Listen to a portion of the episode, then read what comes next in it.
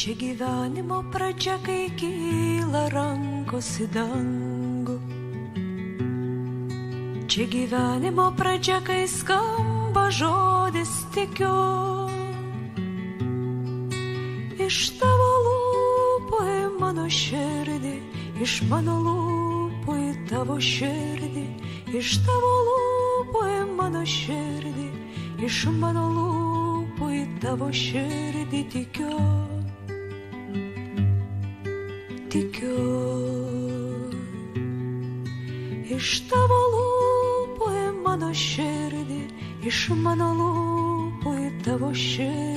Tikiu. Tikiu.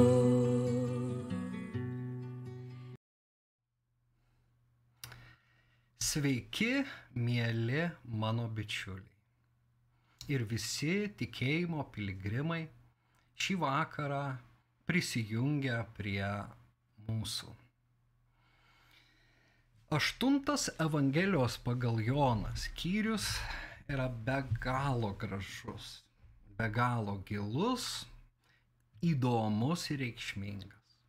Ir šį vakar mes pasiaiškinsime būtent šios skyriaus prasme ir stengsime suvokti, ką ši Evangelijos dalis reiškia mums šiandien. Tačiau visų pirma, kaip ir keliose paskutinėse laidose, šiek tiek informacijos. Manau, kad ji jau pasiekė jūs ir jūs žinote, kad rūpjūčio pirmą dieną palangoje vyks konferencija tėvo namuose. Į šį renginį tikrai kviečiu ir jūs. Kiekvieną trokštantį gyvai tikėti, geriau pažinti Dievą ir save Kristuje, geriau suvokti savo pašaukimą, apskritai vietą pasaulyje, na ir be abejo aiškinti, su kokiais iššūkiais šiandien susiduria bažnyčia ir kaip į juos adekvačiai reaguoti. Na, bet jeigu ši informacija jūsų dar nepasiekė, arba jeigu dar galvojate atvykti į palangą ar ne, tai galbūt šis video klipas, kuriame pasisako du paskutiniai pranešėjai, kiti jau turėjo tokią galimybę, na, šis klipas galbūt padės jums padaryti šį sprendimą.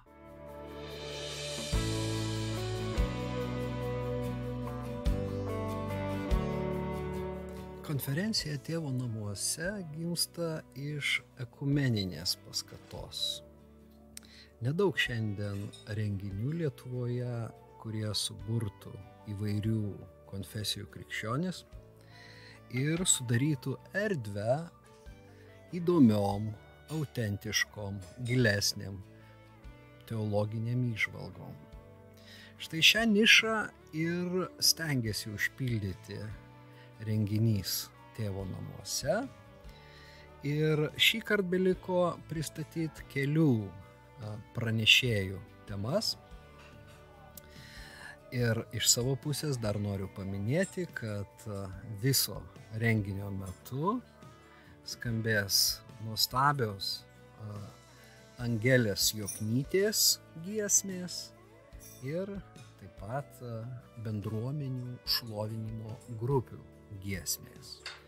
Taigi konferencija vyks garbinimo, maltos dvasioje ir tai bus puikiai dirba Dievo žodžiui, kristi kaip tai gyvybę teikiančiai sėklai į kiekvieną atvirą širdį.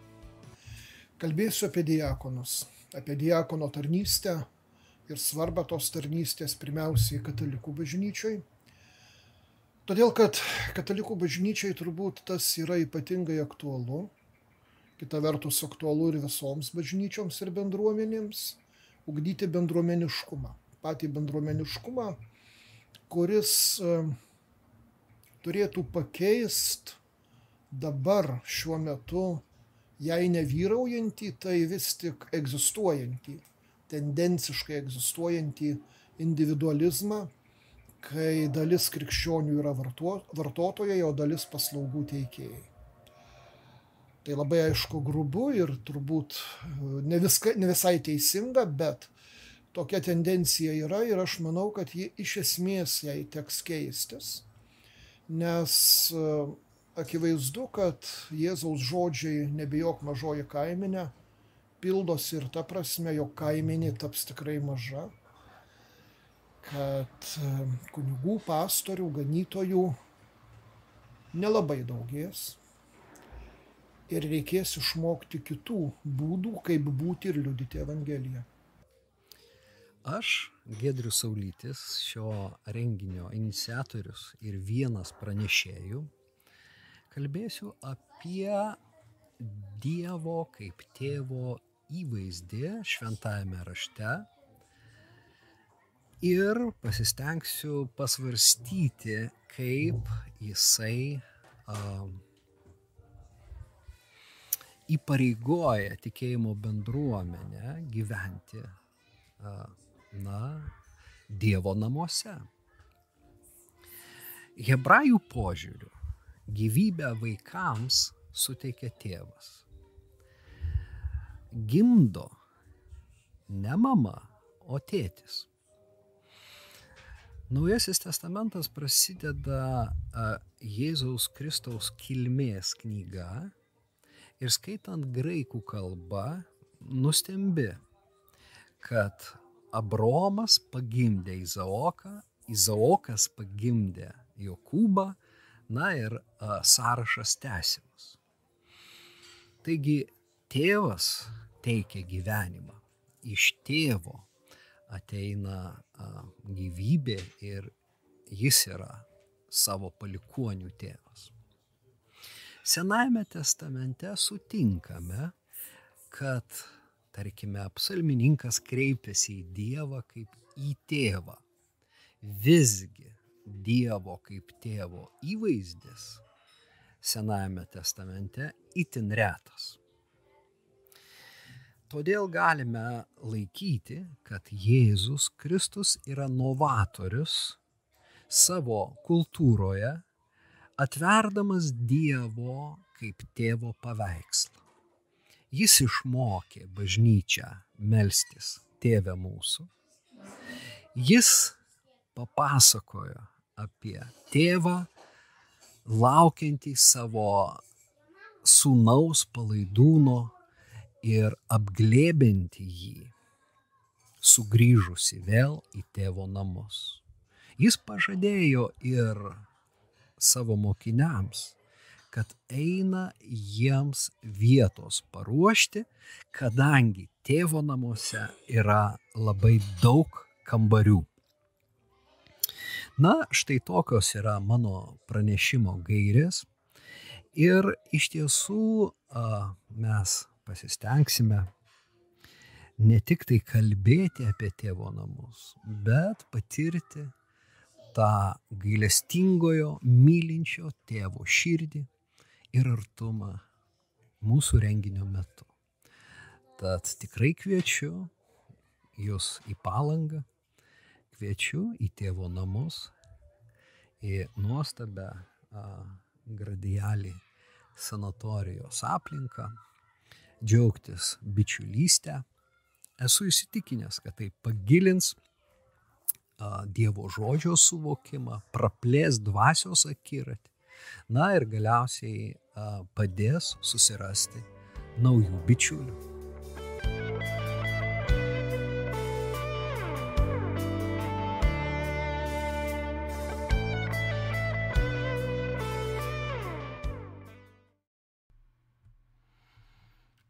Nuostabu. Taigi dar kartą sakau, kad esi laukiamas tėvo namuose.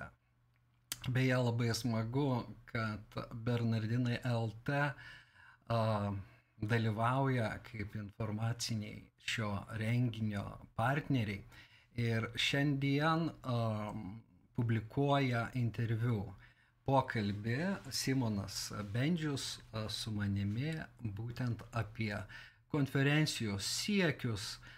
Na ir kitos detalės ten yra taip pat minimos, taigi apsilankykite Bernardinai LT arba tiesiog eikite į bičiuliams.lt ir ten surasite konferencijos tėvo namuose registracijos formą.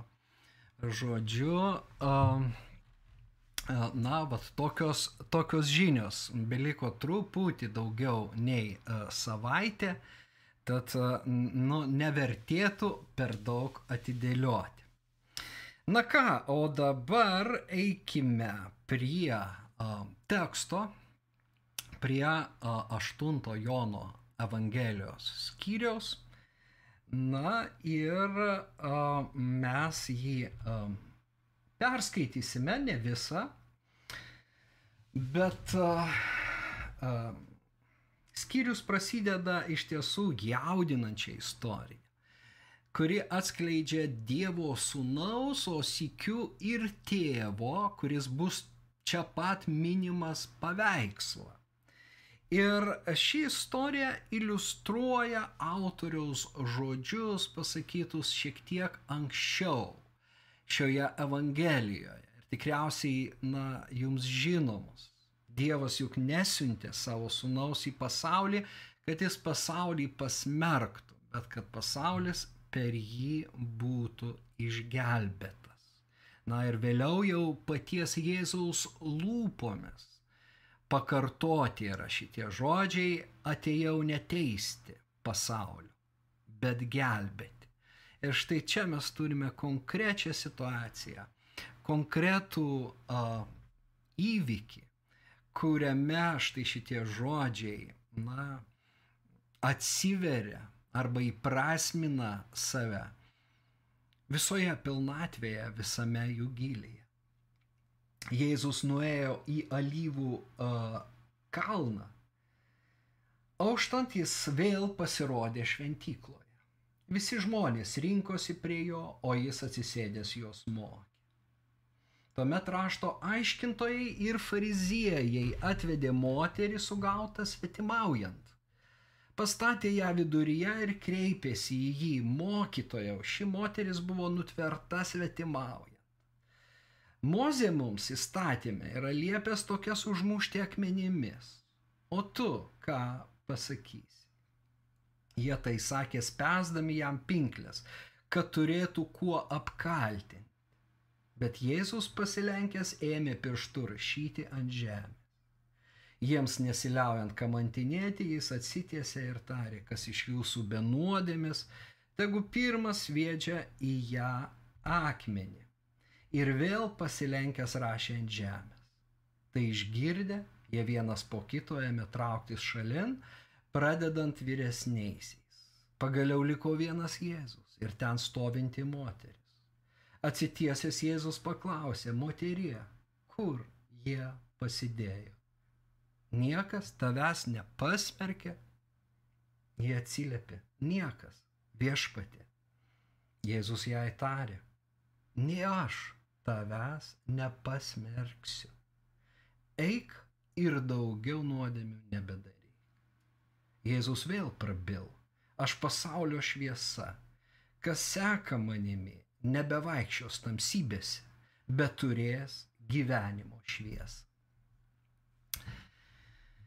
Na, pradėkime nuo to, kad teksto tyrėjai, rankraščių tyrėjai atrado, kad ankstyviausiose Jono Evangelijos išlikusiuose rankraščiuose Štai šitų pirmųjų vienuolikos eilučių nėra.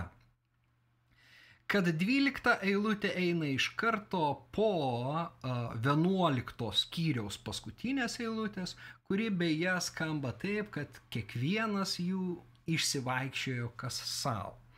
Na ir tada Jėzus vėl prabilo. O vėlesniuose rankraščiuose, praktiškai visuose, šis intarpas apie moterį pagautą svetimaujant ir atvesta pas Jėzų yra. Taigi vieni biblistai daro išvadą, kad tai yra vėlesnis intarpas, galbūt net sugalvotas ir, na, netoks patikimas. Jeigu jūs susidursite su tokia nuomonė, štai ką jums reikėtų žinoti. Visų pirma, netiesa, kad na, ankstyvaisiais amžiais rašytiniuose šaltiniuose šitos istorijos nėra. Iš tiesų vienas bažnyčios tėvų papijas Herapolietis yra ją praktiškai žodis žodin atpasakojęs su labai nežymiais skirtumais. Ir Eusebijus yra tai užrašęs. Žodžiu, yra papijo fragmentas, o papijas gyveno antrame amžiuje. Na, taip pat ir trečiame, ketvirtame amžiuje yra tiesa ne Jono Evangelijos rankraščiuose šita vieta, bet, na, komentatorių raštuose. Taigi, mm, istorija buvo žinoma ir jinai cirkuliavo tarp apaštalų. Ir net, na, tie kritikai, kurie nelaiko jos originale Jono Evangelijos teksto dalimi, pripažįsta, kad greičiausiai toks įvykis nutiko. Juolab, kad sinoptinėse Evangelijose štai šią Jėzaus nuostatą ir jo santyki į moteris ir na, negeros reputacijos moteris, mes taip pat turime praktiškai identišką santyki.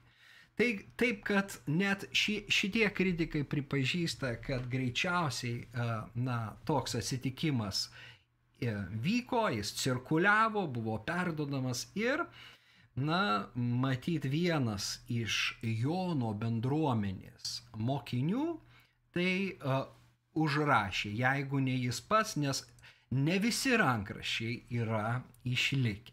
Štai tiek apie tą na, tekstinį uh, aspektą. Uh, bet aišku, kad jau vien tai, kad jisai buvo užrašytas, uh, na, va, šitas, sakykime, intarpas, kurio kalba beje labiau primena Luko stilių į Luko raštų stilių, o ne, o ne Jono, akivaizdu, kad juo norima perteikti labai svarbę žinę, kuri iliustruoja tai, kas Jono Evangelijoje yra svarbiausia.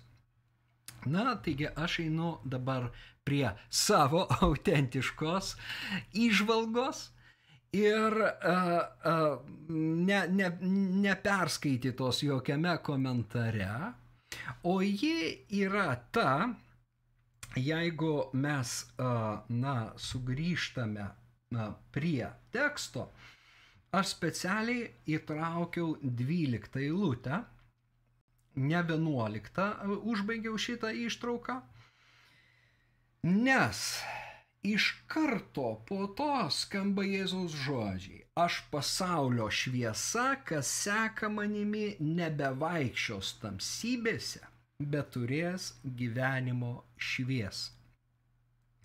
Jėzaus santykis į moterį ir jo žodžiai,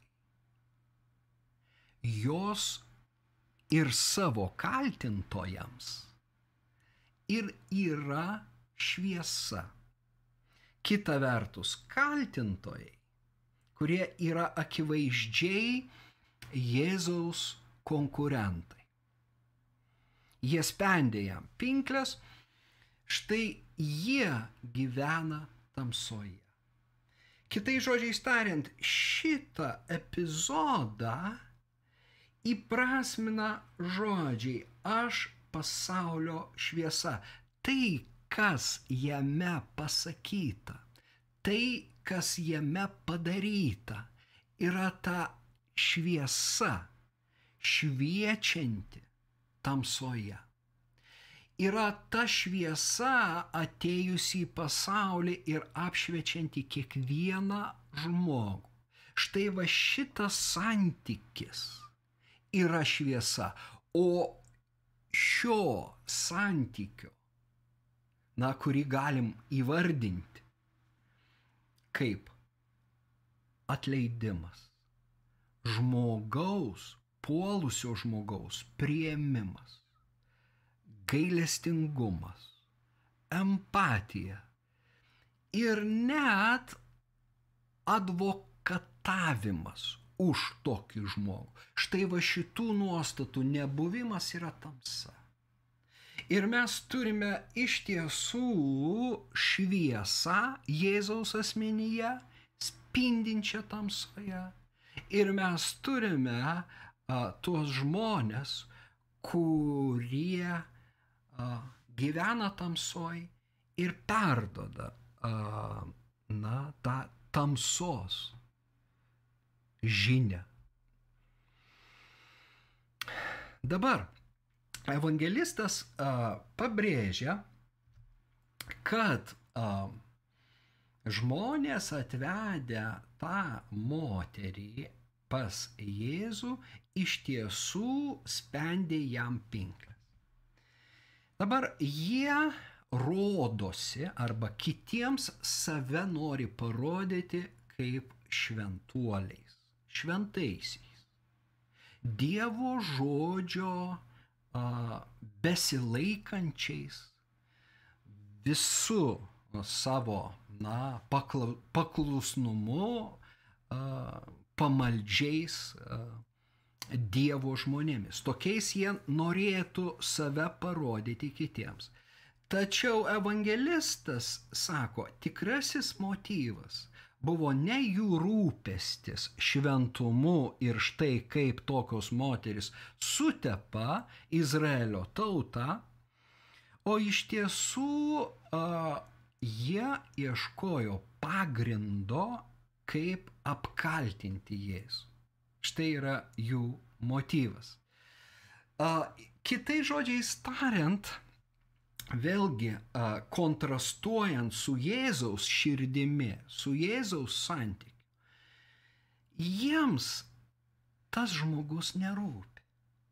Jiems rūpi jų pačių ambicijos ir siekis įsitvirtinti Izraelyje kaip vieninteliais tiesos sergėtojais ir, na, nežinau, teisiausiais, teisingiausiais mokytojais. O štai Jėzus jiems trukdo būti tokiais, nes jo mokslas kitoks, jo, jo gale kita ir žmonės juo pradeda tikėti. Kita vertus, Jėzui labai rūpi žmogus. Ir šitą istoriją tai atskleidžia kad jis galvoja apie tą žmogų. Na, dabar tyrėjai sako, kad tuo metu akmenimis labai retai užmėtydavo.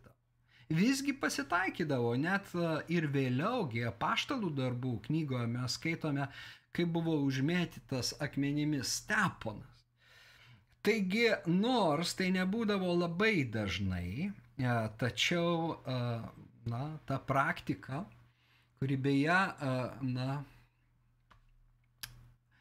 kai kuriuose valstybėse iki mūsų dienų dar yra praktikuojama, mūsų dienomis tai jau į islamo šalyse, o ne Izraelyje. Taigi ta, ta praktika buvo taikoma, nors, nors vis jos mažiau ir mažiau pasitaikydavo. Bet uh, svarbiausia dabar, uh, na, ką mums suprasti, kad uh, jie remiasi įstatymą. Jie sako, štai Mozė mums įstatymę yra liepęs. Uh, Mozė įstatymę yra mums liepęs. Aš čia esu išsirašęs šitas vietas. Mm. Uh, o tos tos vietos ir ne, ne, neišrašiau, tai aš truputį uh, perteiksiu jums savo žodžiais, kad Mozė mums įstatymė yra liepęs tokias užmušti akmenimis. Ir va šitas pareiškimas iš karto mus, jeigu mes atidžiai skaitome nuosekliai Evangeliją, gražina į prologą. Nes prologe skamba šitie žodžiai, kuriuos aš kartoju ir iš tiesų kuriuos Jonas atkartoja Evangelijoje, kad įstatymas buvo duotas per Mozę, o malonė ir tiesa atėjo per Jėzų Kristų. Ir va štai mes matome žmonės, kurie sako, įstatymas mums liepia užmušti tokį žmogų. O ką tu sakai?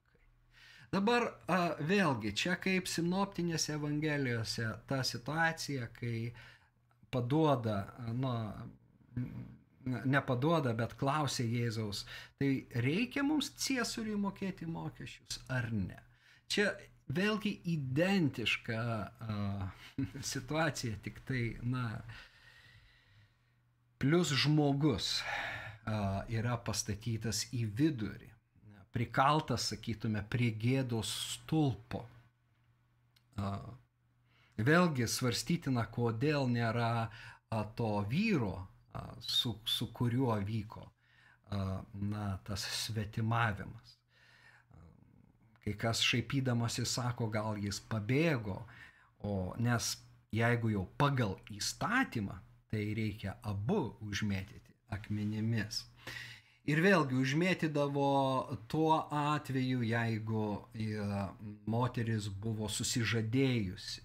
Na, bet tai jau e, detalės, o, o ne ištekėjusi. Čia, čia jau tos e, detalės. Bet, na, jeigu Jėzus pasakys, elkitės kaip Mozėsa, tada jie iš karto liaudžiai sakys, štai jis moko apie gailestingumą o kur jo gailestingumas. Kitais žodžiais tariant, jie puikiai susigaudo Jėzaus mokymo vertybių skalėje. Kas jo evangelijoje, jo moksle yra pabrėžiama. Ir vietoj to, kad nu, tuo džiaugtųsi, vat, tuo aspektu ir stengiasi jį pagauti kalboje ar sukirsti. Na, o jeigu Jėzus pasakys, na, na ir kas, kad Mozė taip sakė, tai iš karto jis bus apkaltintas kaip eretikas, kas galiausiai ir įvyksta, kai jį nuteisė. Kad jis klaidina žmonės. Jis moko priešingai nei, mo, nei mokė Mozė. Ir Evangelijoje pagal Joną žydai arba judėjai pabrėžia, kad mes esame Mozės mokiniai. Mes esame Mozės mokiniai, o Jėzus atsako, jeigu jūs klausytumėte, ką Mozė kalbėjo ir ką jis rašė, jūs tikėtumėte manimi. Ta, ta jau mes skaitėme, ta mintis jau buvo. Kitais žodžiais tariant, Mozė yra prisidengiama bet į jį neįsigilina. Na, iš tiesų galima prisidengti tam tikrom a, dogmom, tam tikrom konfesiniam a, doktrinom, bet slėpti savo motyvą. O motyvas yra visada svarbiausias. Kokia mūsų širdis, ko mes siekiam. Ar mes siekiam gyventi šviesoj ir eiti į šviesą, ar mes bėgam nuo šviesos ir slepiam uh, slepiamės po viena ar kita, šiuo atveju Mozės kaukė. Na, jeigu klausim, į klausimą apie mokesčius Jėzus paprašo paduoti jam denarą ir pasako tą išminties žodį, kieno čia atvaizdas Ciesoriaus, atiduokit Ciesoriui tai, kas Ciesoriaus, o Dievui tai, kas Dievo, Čia uh, Jėzus pasako uh, tai, kad kas iš jūsų benuodėmis, tegu pirmas meta ją akmenį. Ir vad čia ta šviesa persmelkia tamsą. Ir mes turime vėl akivaizdžią Jono Evangelijos prologo iliustracija, nes ten pasakyta šviesa šviečia tamsoje ir tamsa jos neužgožė, tamsa jos nenugalėjo.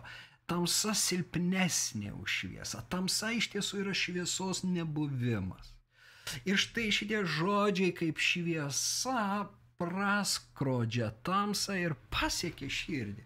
Ir tai yra be galo gražu, vėlgi. Čia atsiveria, na, Dievo visa galybė pasiekti žmogaus širdį, galbūt ir trumpam.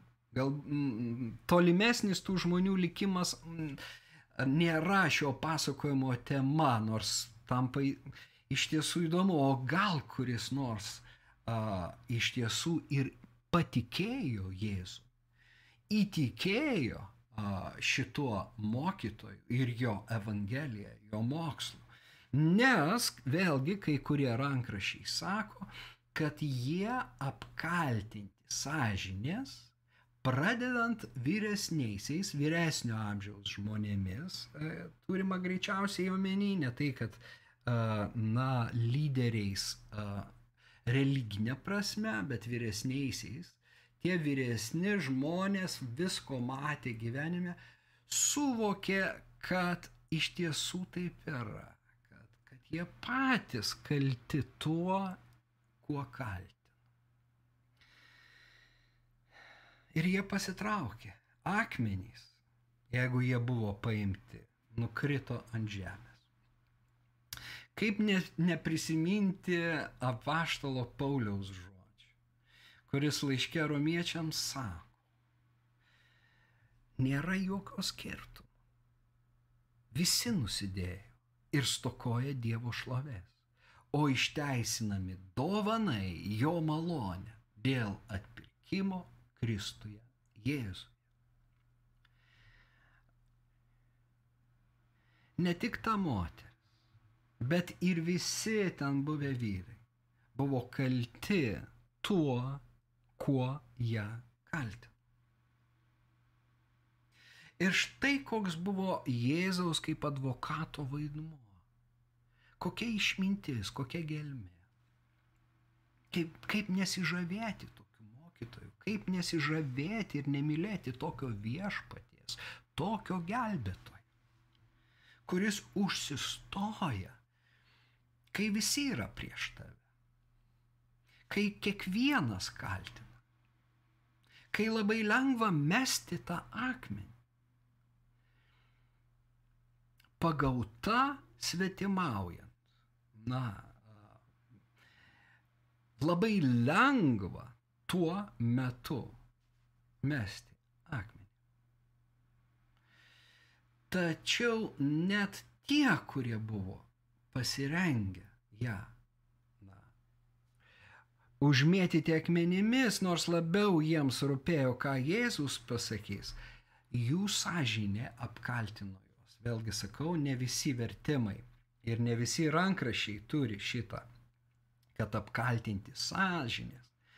Bet štai va tie vėlesni Bizantijos graikiškų rankraščių grupė turi apkaltinti sąžinės e, tokiu būdu Jono raštuose turime sineidisis, nors tai yra Pauliui labiau būdingas žodis. Nors, a, žodžiu, labai tikėtina, man pavyzdžiui labai tikėtina, kad tai nebūtinai intarpas, tai galėjo būti tiesiog, na, neišlikęs rankraštis, kuris e, galbūt buvo toje originalioje Evangelijoje pagal Joną.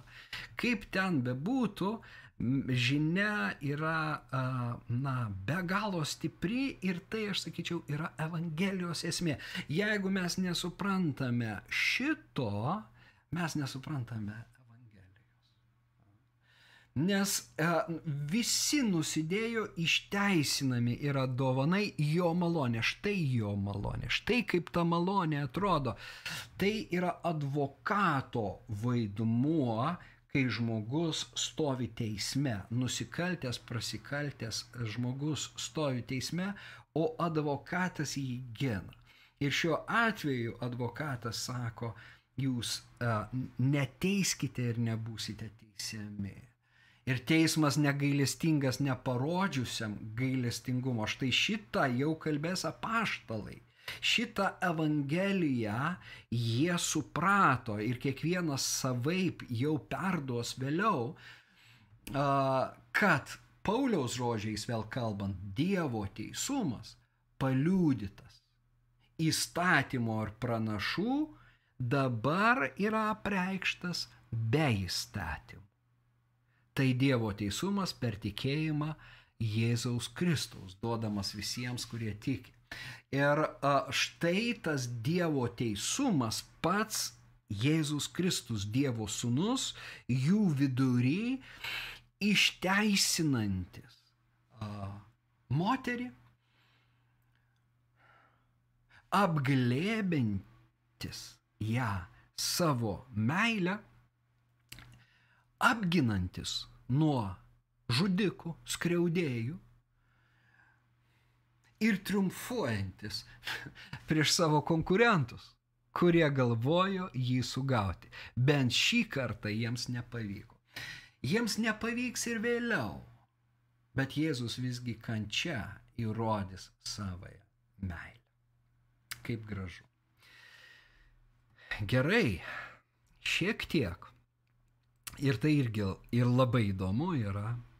Prisiminkime, kad tai vyksta palapinių šventės kontekste.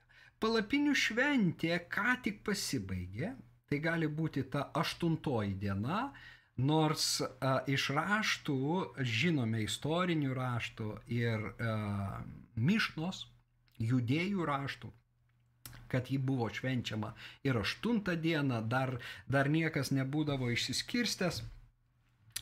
Ir panašu, kad čia galbūt yra ta jau aštunta diena, nes, prieš tai yra sakoma, kad paskutinė šventės diena. Taigi palapinių šventė.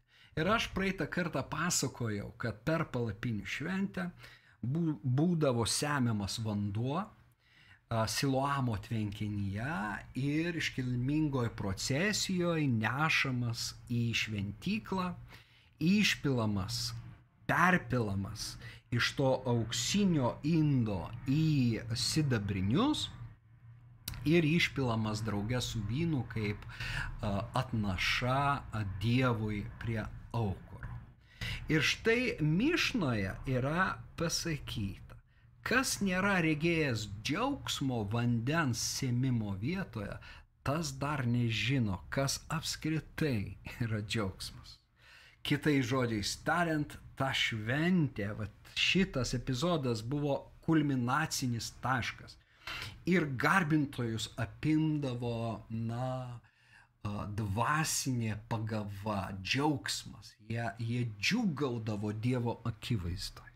Ir iš karto po to Mišna sako štai ką, kad vakarop, kai jau vanduo buvo įneštas, išlietas prie aukoro, buvo ruošiamasi įžiepti a, žibintus šventykloje. Ir a, tie žibintai susidėjo iš keturių milžiniškų a, aliejaus talpyklų. Į jas buvo pilamas aliejus, padaromi dakčiai ir uždegami. Ir staiga ne tik visa šventykla, kur yra pastatyta ant kalno, bet ir visas Jeruzalės miestas nušvizdo. Ir sakoma, kad a, nebūtų mieste radęs kiemo neapšviesto šventykloje įžieptos O tuo metu šimtai levitų grodavo visais įmanomais instrumentais, kaip aprašyta psalmėse. Ir gėdodavo psalmės visi garbintojai, dalyvavę šventyklos šitoje, šitose iškilmėse. Ta šviesa, na, turėjo be galo didelį efektą, kai sutemsta. Ir konkrečiai buvo gėdamos 15 psalmių, nes na, procesija leisdavosi, na, šventykla buvo didelė, keletas kiemų ir iš izraelitų į moterų kiemą vedė 15 pakopų laiptų ir ant kiekvienos pakopos buvo gėdama po psalmę. Ir tuo met, na,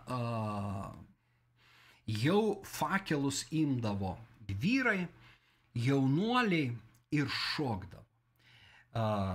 Rašoma netgi taip, kad rabis Simeonas, Gamalielio vyresniojo sūnus, Gamalielio, kuris minimas Naujajame testamente, sūnus rabis šoko net su aštuoniais fakelais. Ir nei vienas iš jų nepalėtė žemę. Ir šitos iškilmės trukdavo iki aušros visą naktį. Todėl kai kur palapinių šventė taip pat vadinama ir šviesos šventė. Nors žydai buvo atsargus, kad nebūtų maišoma su pagoniu, saulės garbinimo ir šviesos, reiškia, na, atitik labai panašių švenčių, jie netgi išpažindavo, kad mūsų tėvai nusisuko nuo tavęs viešpatė ir jie lenkėsi į rytus. Bet mes pripažįstame tave, Jahve. Tu esi mūsų Dievas. Mes esame tavo vaikai, tavo tauta. Tu esi Jahve, tikrasis Dievas. Štai dabar pagalvokime šitame kontekste, ką reiškia išgirsti Jėzaus žodžius. Aš esu pasaulio šviesa. Kas seka manimi, nebevaikščios tamsybėse, bet turės gyvenimo šviesą. Mes jau aptariam, kaip konkrečiai šviesa sušvito toje konkrečioje situacijoje. Bet e, toliau Jėzaus žodžiai jau yra platesni, jie apima kur kas plačiau, aš pasaulio šviesa. Ir žmonės galvojo, kaip ta šviesa nušviečia visą miestą. Taip Jėzaus iš jo spinduliuojanti dvasios šviesa nušviečia visą pasaulį. Ir be abejo tai yra tas atkartojimas prologo. Buvo tikroji šviesa pasaulyje, kuri, kuri apšviečia kiekvieną žmogų. Ji buvo pasaulyje. Ji atėjo pas savosius, bet savieji jo nepriemė. Jos nepažino šitos atsikartoja. Mes matome, kaip prologas iš tiesų yra pamatas visai Evangelijai ir pagrindinės minties gyjos tęsiasi toliau. Ir štai čia labai gražiai a, yra įkūnijamos tos minties gyjos paties Jėzaus, jo žodžiais, jo asmeniu. Na, be abejo, turime paliesti dar vieną dalyką, taigi ego eimi graikiškai, aš esu. Ego eimi atsikartoja Evangelijoje pagal Joną. Mm. Iš tiesų septynis kartus. Bet jau šiame skyriuje, aštuntame skyriuje, tas ego eimi dar yra pakartotas keletą Kodėl jis svarbus? Nagi jis svarbus todėl, kad Senajame testamente, konkrečiai išėjimo knygos trečiam skyriui 13-14 eilutėse, mes skaitome, kai mo, Mozės, Mozė kalbasi su Dievu ir, ir sako, Izraelitai mane klaus, koks Dievo, su kuriuo tu kalbėjai vardas, ką aš jiems pasakysiu. Dievas tarė Mozei, aš esu. Graikiškame septuagintos tekste ir yra ego eimi. Aš esu, kuris esu. Sakyk izraelitams, aš esu mane siuntė pas jūs.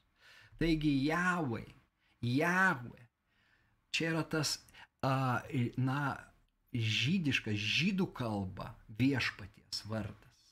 Jahve, iš čia yra.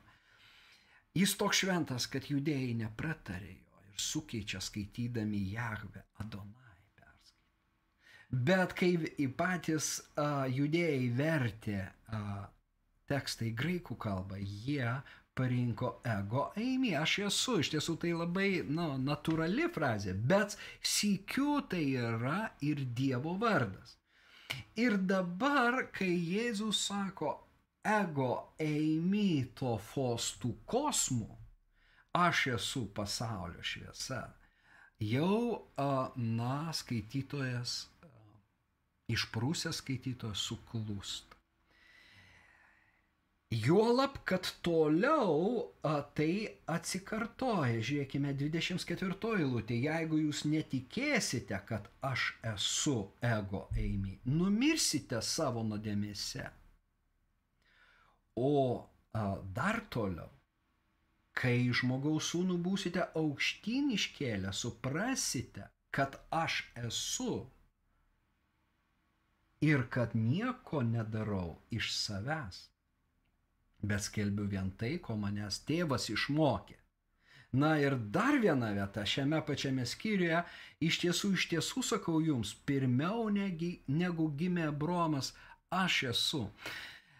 Ir, na, dabartiniai lietuviški vertimai a, tą aš esu įrašo iš didžiųjų raidžių, o įdomu, kad 12 eilutėj tą pačią frazę aš esu pasaulio šviesa, iš viso praleidžia veiksmažodį eimi, esu. Ir aš pasaulio šviesa, e, na, laiko, kad tai, na, nesvarbu, nors tai yra labai aiški užuomina į Jėzaus dievystę.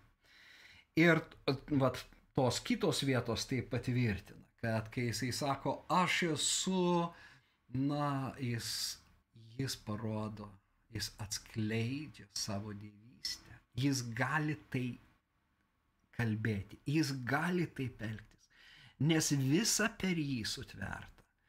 Nieko neatsirado, kas yra atsiradę be jo, visa juo laikosi. Čia kalba ne eilinis arabis, čia kalba visatos kuriejas ir a, nusidėlio atpirkėjas bei advokatas. Jis gali taip kalbėti. Na ir čia aš išrašiau a, tas žinomas, a, gal jums jau teko girdėti, septynias vietas, nors čia yra a, Uh, jo, septynios vietos, visas išrašiau, uh, kuriuose mm, skamba uh, skirtingai tas ego eimi. Visų pirma, jau šeštam skyriui mes sutinkam, kad aš esu gyvybės duona. Na čia aštuntam skyriui mes sutinkame, aš esu pasaulio šviesa, vėlgi, ką jau sakiau, vertėjai praleidžia žodį esu, kas nėra tikrai gerai aš esu pasaulio šviesa. Taigi žiūrėkime, kaip Jėzus išnaudoja kontekstą savo žiniai paskelbti. Kai jis padaugina duoną, kai visi žmonės kalba apie duoną, jisai sako, aš esu duona nužengusi iš dangaus. Aš esu gyvybės duona. Tas aš esu duona su modifikacijom atsikartoja ne kartą septyni kartai, ta prasme, skirtingi. Aš esu duona, dar kelis kartus aš esu duona, a, a, nužengusi iš dangaus, pavyzdžiui, čia aš esu gyvybės duonas, užskaitoma kaip viena, nes a, e, kalbama apie duoną. Tada aš esu pasaulio šviesa yra jau palapinių šventės metu. Vėlgi kontekstas. Leidžia jam tai pasakyti. Prieš tai jisai kalbėjo apie vandenį ir ta, ta vandens semimo ceremonija atnešanti be galo didelį džiaugsmą ir jisai sako, kas tiki mane iš to vidaus, plus gyvojo vandens šaltiniai ir visi mato tos šaltinius lėjamus iš auksinio indo į sidabrinius indus. Ir ant taukuro išliejamos. Ir štai Jėzus sako, iš to, kuris manimi tiki, liesis šitą gyvybę. Ir mes galim sakyti, iš to šviesta šviesa a, iš tų, a, reiškia, uždegtų lempų ir talpyklų alėjos, kur, kurias davė milžinišką šviesą, jie, tie jaunuoliai, užsidegdavo savo žibintus, savo fakelus. Ir šokdavo, džiaugdavosi tą šviesą. Na, žiūrėkime, tai yra mūsų simboliai, provaizdžiai, ženklai, kad tikėjimas uždega širdį. Širdis susidūrusi su šviesa, užsidega nuo tos šviesos. Ir mes džiaugiamės Dievę, nežiūrint to, kad aplinkui tamsu, kad aplinkui tiek daug blogio, smurto, neteisybės ir, ir kad tai mus pačius liečia, skaudina, visgi toje šviesoje, su ta ugnimi, Dievo ugnimi, mes galime džiugauti, mes galime uh, iš tiesų džiaugtis uh, tuo, kuris yra pasaulio šviesa. Toliau jisai dešimtam skyriui sako, aš esu avių vartai. Ir mes jau penktame skyriuje regis turime tuos avių vartus, kad a, tai vyko prie avių vartų, buvo pagydytas, a, na, a, lošys Betesdos a, tvenkinyje prie avių vartų. Dešimtam skyriui Jėzus įsikūnė, vėlgi visiems žmonėms labai aišku, kas vyksta prie avių vartų. Pro, vedamos avis, išvedamos į, į ganyklas, jos išvedamos, na, jos pagirdomos. Aš esu avių vartai. Kas seka mane, tas atras ganyklą. Kas jais ir šiais, tas atras ganyklą savo. Na, aš esu gerasis ganytojas, ganytojas už avis guldo gyvybę. Vėlgi jiems, izraelitams, piemenys labai gerai pažįstami. Jie žino, kad tarp Piemenų yra daug samdinių, kurie tikrai neguldo gyvybės. Jie pabėga, pamatę pavojų, jie nusamdyti, jie prasti, jie, jie žiūri, kaip pasipelnyti. O štai Jėzus ateina atiduoti savo gyvybės, nepasipelnyti, atiduoti gyvenimo, kad mes gyventume. Per jo mirtį, kad žmogus gyventų. Štai kokia yra Evangelijos esmė. Ir kas iki skamba tas ego eimi, aš esu prisikėlimas ir gyvenimas. Vėlgi, dar pakalbėsim, tai Lozoriaus prisikėlimas iš mirties. Bet Jėzus paima tą stebuklą kaip duonos padauginimo stebuklą ir atveria kažką apie save. Vis mes turime naujus metaforiškus apibūdinimus, kurie tiksliai atspindi jo širdį esmę, jo karalystę, jo požiūrį, jo meilę žmogui. Aš esu kelias tiesa ir gyvenimas. Aš esu tikrasis vynmetis, o mano tėvas a, ūkininkas. Štai tie septyni ego eimi a, Jono Evangelijoje akivaizdu, kad a, autorius neatsitiktinai naudoja šitą frazę, jis žaidžia. Jis kaip sumanus rašytojas iš tiesų labai meistriškai įpina tą ego eimi. Aš esu Dievo vardą sujungdamas su Jėzaus asmeniu. Jėzus yra Dievas tapęs kūnu.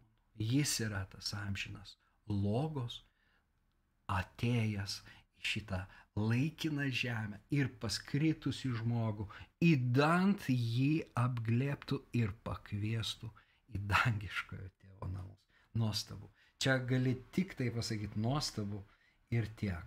Na, a, a, regis, a, aš išsakiau viską, a, ką a, norėjau, išskyrus vieną dalyką, kuriuo ir baigsim šios dienos susitikimą.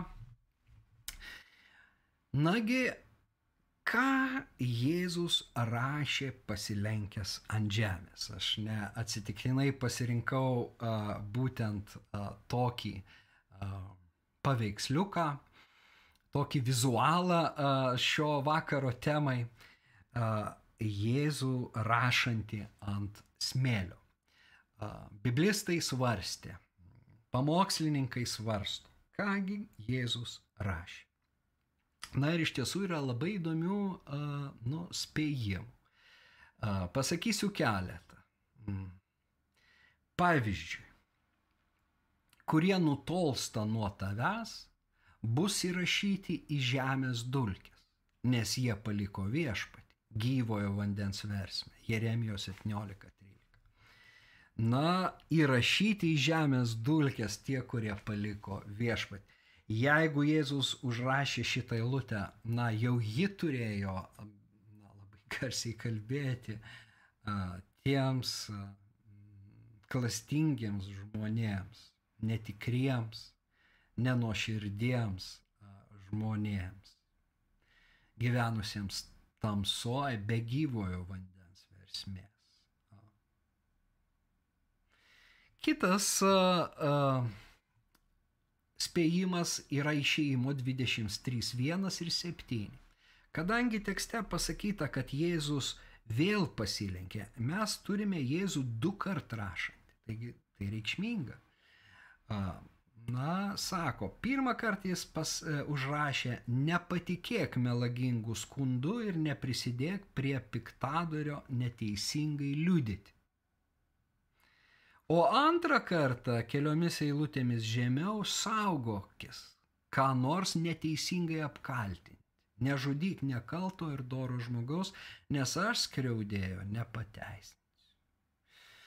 Na, kad ir įdomus spėjimai, jie išlieka spėjimais. Ir ką jisai rašė, niekas nežino. Ir šito mes negalime sužinoti, nes autorius nepasakė, ką jisai rašė. Dar kažkas sako, kad, na, romėnų valdytojai a, užrašydavo nuosprendį ir tada jį perskaitydavo. Na, bet tas Jėzaus nuosprendis yra kitoks. Tas, kas iš jūsų be nuodėmės. Nu, ne visai nuosprendis. Ah, pasakysiu savo nuomonę. Manau, kad kadangi nežinome, autorius nelaikė tai svarbių dalykų, kas buvo rašo, bet norėjo, kad mes žinotume, jog Jėzus buvo raštingas.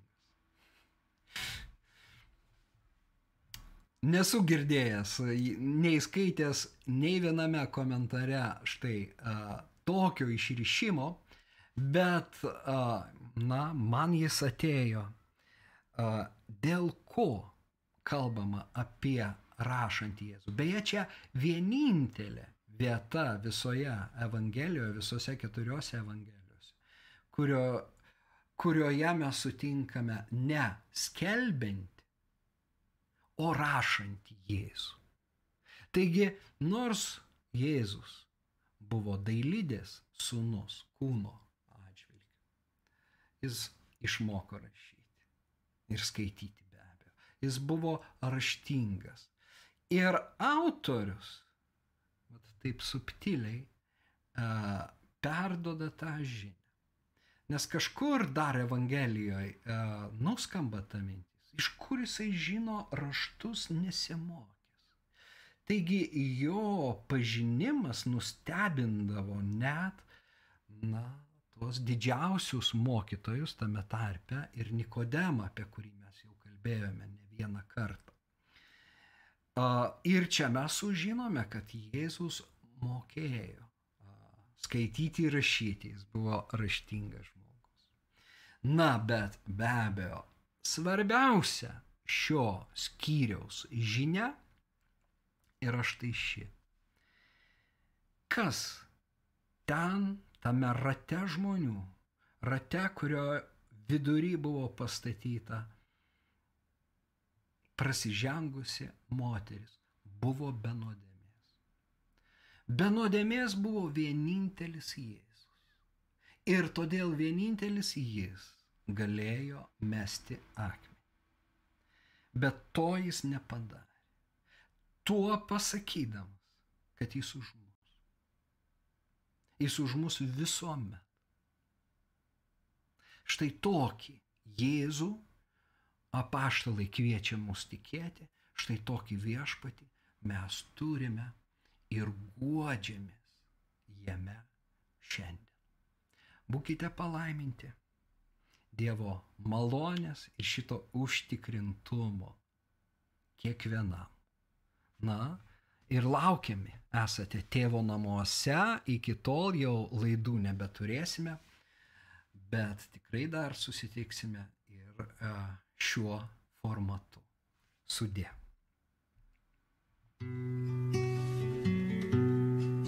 Čia gyvenimo pradžia, kai kyla rankos į dangų. Čia gyvenimo pradžia, kai skamba žodis tikiu. Iš tavo lūpų į mano širdį, iš mano lūpų į tavo širdį, iš tavo lūpų į mano širdį, iš mano lūpų į tavo širdį tikiu tikiu. Iš tavo lūpų į mano širdį, iš mano lūpų į tavo širdį tikiu.